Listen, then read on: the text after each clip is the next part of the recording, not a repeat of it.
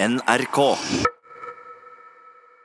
Ja, Vi har snakket om eh, årets julekort eh, for få sekunder siden. Eh, I Kulturnytt nå så skal det handle om årets ord, Ugo. Det er programmet Språkteigen som hvert år kårer årets ord. og nå, nå, er jakten på kandidater begynt. I fjor var det trakassering som ble årets ord. Det er faktisk noe vi skal høre mer om i løpet av Kulturnytt nå. I hvert fall anklager om trakassering. Eh, så det skal vi snakke om. Årets ord. Men før det om mange ord satt sammen til litteratur, til bøker, til bokmessen i Frankfurt. Det er den store satsingen på norsk kultur utenlands på lenge, på det noen kan huske, koster over 50 millioner kroner. Ja, Det var det Jan Kjærstad mente var stormannsgalskap, var det ikke det? Eh, han var ute med den kritikken og, og fikk eh, svar så hatten passet, mente noen. Så det var den debatten. Eh, men når da Norge satser på å være hovedland på bokmessen i Frankfurt i Tyskland neste år, så er det også en enestående mulighet til å vise frem forfulgte forfattere, fribyforfatterne. Det mener nettverket som hjelper dem verden over. Jeg tror det kan bli en veldig god mulighet for oss til å bli mer kjent. Det sier Helge Lunde, leder for det internasjonale fribynettverket Icorn, med hovedsete på Stavanger kulturhus. I oktober neste år blir nettverket som hjelper forfulgte forfattere, en del av Norgespaviljongen på verdens største bokmesse i Frankfurt. Dette er den største utenrikspolitiske kulturelle satsinga i moderne tid. Sa kulturminister Trine Skei Grande på en pressekonferanse i Frankfurt i oktober. Norge er hovedgjesteland i 2019. Det skal brukes totalt 52 millioner kroner fram mot og under selve bokmessa, der norsk litteratur eksponeres for over 10 000 journalister, 7000 forlag og 300 000 besøkende.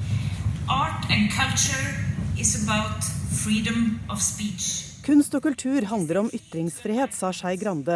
Og direktøren for bokmessa, Jørgen Boos, sa at Norge er et perfekt gjesteland pga. pressefrihet, likestilling, Nobels fredspris og Norwegen har Icon of Refugees. Vi ble overraska over måten det ble nevnt på, altså sammen med Nobels fredspris, likestilling og pressefrihet som de fremste attributtene ved Norge. Men dette ble et kjærkommen påminnelse om den dimensjonen og den divisjonen som vi egentlig er i og burde tenke at vi er i. Veldig stor stas. For selv om Frankfurt-satsingen først og fremst handler om eksport av norsk litteratur, har ytringsfriheten en naturlig plass, sier Icon-leder Helge Lunde. Bokmesse i Frankfurt er jo verdens største bokmesse, og, det er kjent for å være en stor markedsplass. En stor sånn kynisk Mye mer børs enn katedral, i hvert fall. Men jeg tror at eh, Bokmesse òg har sett nå at de som satser på bøker og på det skrevne ord, må ikke bare satse på å selge rettigheter og få alle de økonomiske sidene ved dette fram. De må òg satse på de verdiene som ligger bak, og få dette òg eksponert og på et høyt nivå.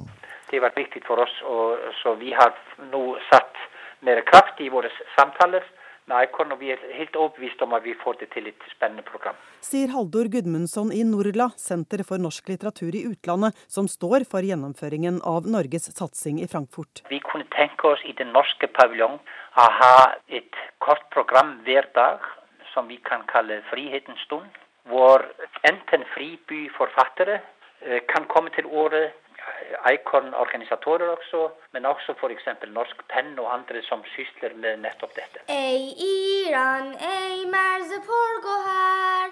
Denne jenta fikk et nytt hjem i Stavanger sammen med sin iranske mor under fribyordningen i 2013. Norge har 16 byer som tar imot forfulgte forfattere og tegnere. Og internasjonalt er 70 byer med i Icon-nettverket.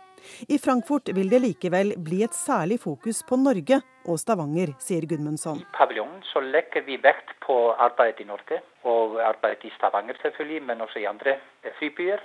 Men vi kan også tenke oss å lage et internasjonalt programpunkt i samarbeid med messen, og er faktisk har startet samtaler om dette. Og reporter her, Anette Johansen Espeland. Vi skal eh, til en tapt by som eh, muligens er funnet av arkeologer i Hellas. Eh, Kaja Andreassen, eh, kulturreporter, hva har de funnet, og hvor? Arkeologene mener at de har funnet restene etter en tapt by som de gamle grekerne antok at var en bosetting dannet av trojanske krigsfanger. Utgravningene de ses på som et bevis byen, på at byen Tenia eksisterte. Tidligere så har byen stort sett vært kjent gjennom gamle tekster. Og Det er jo lagt ut noen sånne luftbilder av hva man kan se, men hva, hva omfatter disse funnene? De omfatter vegger etter bygninger, krukker marmor eller steingulv i bygninger, en spillterning og over 200 mynter som er datert fra perioden fra det fjerde århundret før Kristus til slutten av romertiden. Lite er jo egentlig kjent om byen Tenia, bortsett fra gamle referanser i noen tekster der det knyttes forbindelser, forbindelser til Troja og antakelser om at eh, Trojas krigsfanger fikk tillatelse til å bygge byen. De gamle grekerne med spillterninger eh, allerede da. Metoo-bevegelsen begynte med avsløringer av trakasserings- og voldtektsanklager mot eh, filmprodusenten Harvey Weinstein i USA, og nå kommer det nye anklager.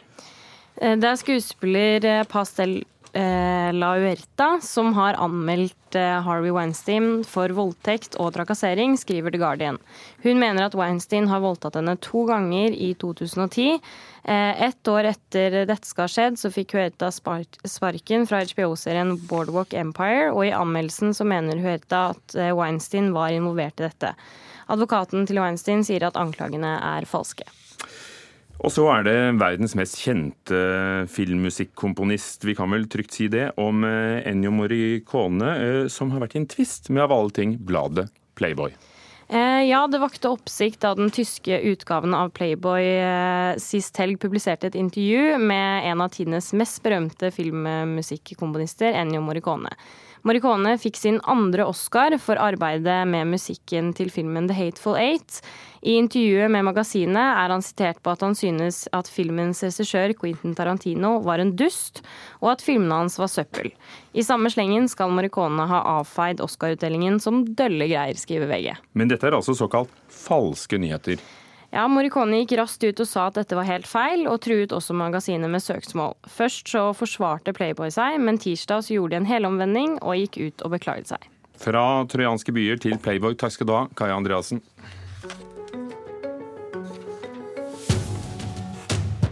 Hvilket ord har preget året som har gått, og preget oss, og hvilket enkeltord er det som beskriver 2018 best? Programmet Språkteigen her i NRK skal også i år kåre årets ord, og vil gjerne ha forslag.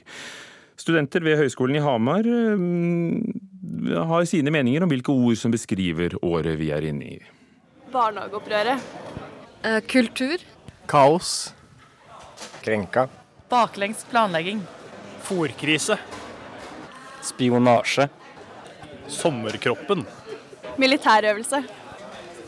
Nato. Frank Løke. Torunn Myhre, programleder i Språkteigen, god morgen. God Morgen. Hvilke ord er du på jakt etter? For å si det litt enkelt, så er vi på jakt etter det ordet som i ettertid får deg til å tenke ja, det var så 2018, altså. Og vi hørte jo ungdommene her hadde noen eh, tanker om det. Um, litt utdype, så jakter vi på et ord som har satt sitt preg på året. Et ord knyttet til en hendelse eller en trend som har hatt betydning, og som folk har vært opptatt av. Og i fjor ble det? I fjor ble det trakassering. Og vi hørte jo litt av grunnen akkurat i nyheten hos deg, Ugo. Metoo-kampanjen. Året før var det Skam? Ja, og det, det er jo også sånn som vi husker. Vi husker bilder og situasjoner fra Skam i 2016. En TV-serie fortalt på en helt ny måte, og som ble eksportert til Norden, til Europa, til USA, og som fikk ungdommer i hele verden omtrent til å snakke norsk. Og i 2015 var det flyktning. Ja, og da har vi jo bildene av f.eks. den lille gule redningsvesten på den, den lille gutten med den gule redningsvesten som drukna i Middelhavet. Vi har bilder av folk på vei over havet eller langs veier og jernbaner i Europa. Flyktning. Altså, det kommer veldig fort til oss når vi egentlig begynner å tenke etter hva var det med dette året her. Så det betyr det er ikke nyord du vil ha? Nei, det kan være eldgammelt. Det kan rett og slett ha røtter tilbake til ja, langt, langt, langt tilbake. Men ordet må bare være noe som vi føler var viktig for dette året vi legger bak oss. Ja, for Språkrådet tar seg av det å kåre årets nyord, men dere i Språkteigen, mm. altså du i Språkteigen, eh, de har altså året som, som, beskriver, ordet som beskriver året. Hvem er juryen? Juryen i år består av eh, to språk vitere. Toril Oppsal, eh, Kristin eh, Meklenborg Salvesen. Og så har vi med, som jeg holdt på å si i alle år, Sylfest Lomheim. Sylfest Lomheim var med. Um, har du fått noen forslag? Jeg har allerede fått noen forslag, for jeg sendte ut eh, den første saken om dette her i søndagens sending, altså sist søndag. Og så fort jeg sier 'har du forslag til årets ord', så kommer det alltids inn noen drypp. Men jeg har plass til mange, mange flere forslag. Selve kåringen skjer altså i siste sendingen lille julaften 23.12. Hvordan skal vi andre få nominert kandidater? Åh, kom med ord! Sett deg ned og tenk. Hva er det jeg tenker om 2018? Hva er det som har prega dette, dette, året her? Og så kan du enten gå inn på Facebook, lete opp Språkteigen eh, der, bli med i gruppa og bare bombarder gruppa med årets ord, årets ord, årets ord, forslag. Eller send en e-post teigen krøllalfa nrk.no. Og så sitter vi lutter øre 23. Desember. Takk skal du ha, Torunn Myhre, programleder i Språkteigen, som alltid kan høres på NRK Radio. Jeg bare minner om det i samme slengen. Svenske Therese Boman ble nominert til Nordisk råds litteraturpris for den andre romanen hun skrev, 'Den andre kvinnen'. Nå er hun ute med sin tredje, 'Aftenland'. Her møter vi Caroline Andersson, en temmelig fersk professor i kunstvitenskap som har rundet 40. Hun har et eh, forhold til sin stipendiat, som er mye yngre enn henne selv. Eh, har vi å gjøre med en metoo-roman, kritiker Knut Hoem? Ja, Nå kom Bomanns roman i 2016, altså før metoo-avsløringene. Men eh, vi skal helt klart inn i den samme gråsonen, der eh, lengsler skal innfris og begjær skal utløses, og grenser skal overskrides ved hjelp av et glass rødvin eller to eller tre. Kan du plassere Therese Boman i noe litterært landskap for oss? Ja, altså Det er eh, slående likheter med jeg holdt på å si vår egen Vigdis Hjorth og hennes forfatterskap. Her er det Ubehaget i kultursfæren som skal eh, skildres. Den godeste Caroline Andersson eh, lever et liv i en toromsleilighet i Vasastaden i Stockholm. og Det er også en Stockholmsroman, dette her. Men også en universitetsroman, der eh, Boman kommer med litt overraskende samfunnskritikk. Hun langer ut mot mannlige kollegaer som forsøker å gjøre karriere på å drive med feministiske kulturstudier, og forsøker å på sin side gjenreise den klassiske europeiske dannelsen, som hun mener er gått tapt på, på universitetene. Eh, det er jo også typisk at Karoline eh, Andersson sitt fag heter kunstvitenskap, før het det kunsthistorie. Så her har det skjedd noe. Og uh, i denne boken så er det jo altså hovedpersonen som målbærer denne kritikken, men man kan jo mistenke også Therese Boman for å dele noen av synspunktene. Aftenlandet, et yndet begrep og en yndet tittel i vestlig kultur. Og det du sa der, det peker kanskje mot hvorfor boken heter Aftenland? Ja, Man kan jo spekulere i om eh, Spenglers klassiker 'Det unterganges Abendlandes' fra 1932 ligger til grunn for tittelen. Altså en følelse av en Aftenlandets slags... undergang, for de som ikke er Aftenlandets undergang, ja. En følelse av et Europa som holder på å forsvinne, og noe som man må ta vare på. Eh, det er den klassiske kulturen som, eh, som Karoline Andersson kjemper for rørende her. Det er også helt klart eh, slektskap til Michel Olebeck og, og hans eh, eh, romaner. Hvordan da? Fransk rebell, kulturkonservativ? Ja, også denne følelsen av en viss undergangsstemning, men samtidig så er det jo mest undergangsstemning og aftenstemning i livet til professoren som det handler om i denne veldig underholdende satiren. Er den god? Ja, den er, den, er, den er, god. Mer god underholdning enn stor kunst. Eh, en slags eh, besk samtidskritikk eh, forkledd som flyplassunderholdning. Forkledd som flyplassunderholdning? Det må, det må, du faktisk utdype. Ja, nei, nei, Nå vil jeg bare si at dette er toppunderholdning, verken uh, mer eller mindre. Uh, uh, Men er det også en, en kulturkonservativ politisk pamflett? Ja, den, har i alle fall, den kan i alle fall leses i den retningen at den tar for seg noen trekk ved den svenske kulturelle debatten som, som den godeste Therese Boman helt klart ikke deler helt. Knut Hoem om Aftenland av Therese Boman. Eh, takk skal du ha for at du anmeldte den her i Nyhetsmorgen og, og Kulturnytt. Det skal handle om noe søtt etter Dagsnytt her i Nyhetsmorgen, nemlig sukkeravgiften. Så kanskje søtt og, og litt bittert sånn politisk sett.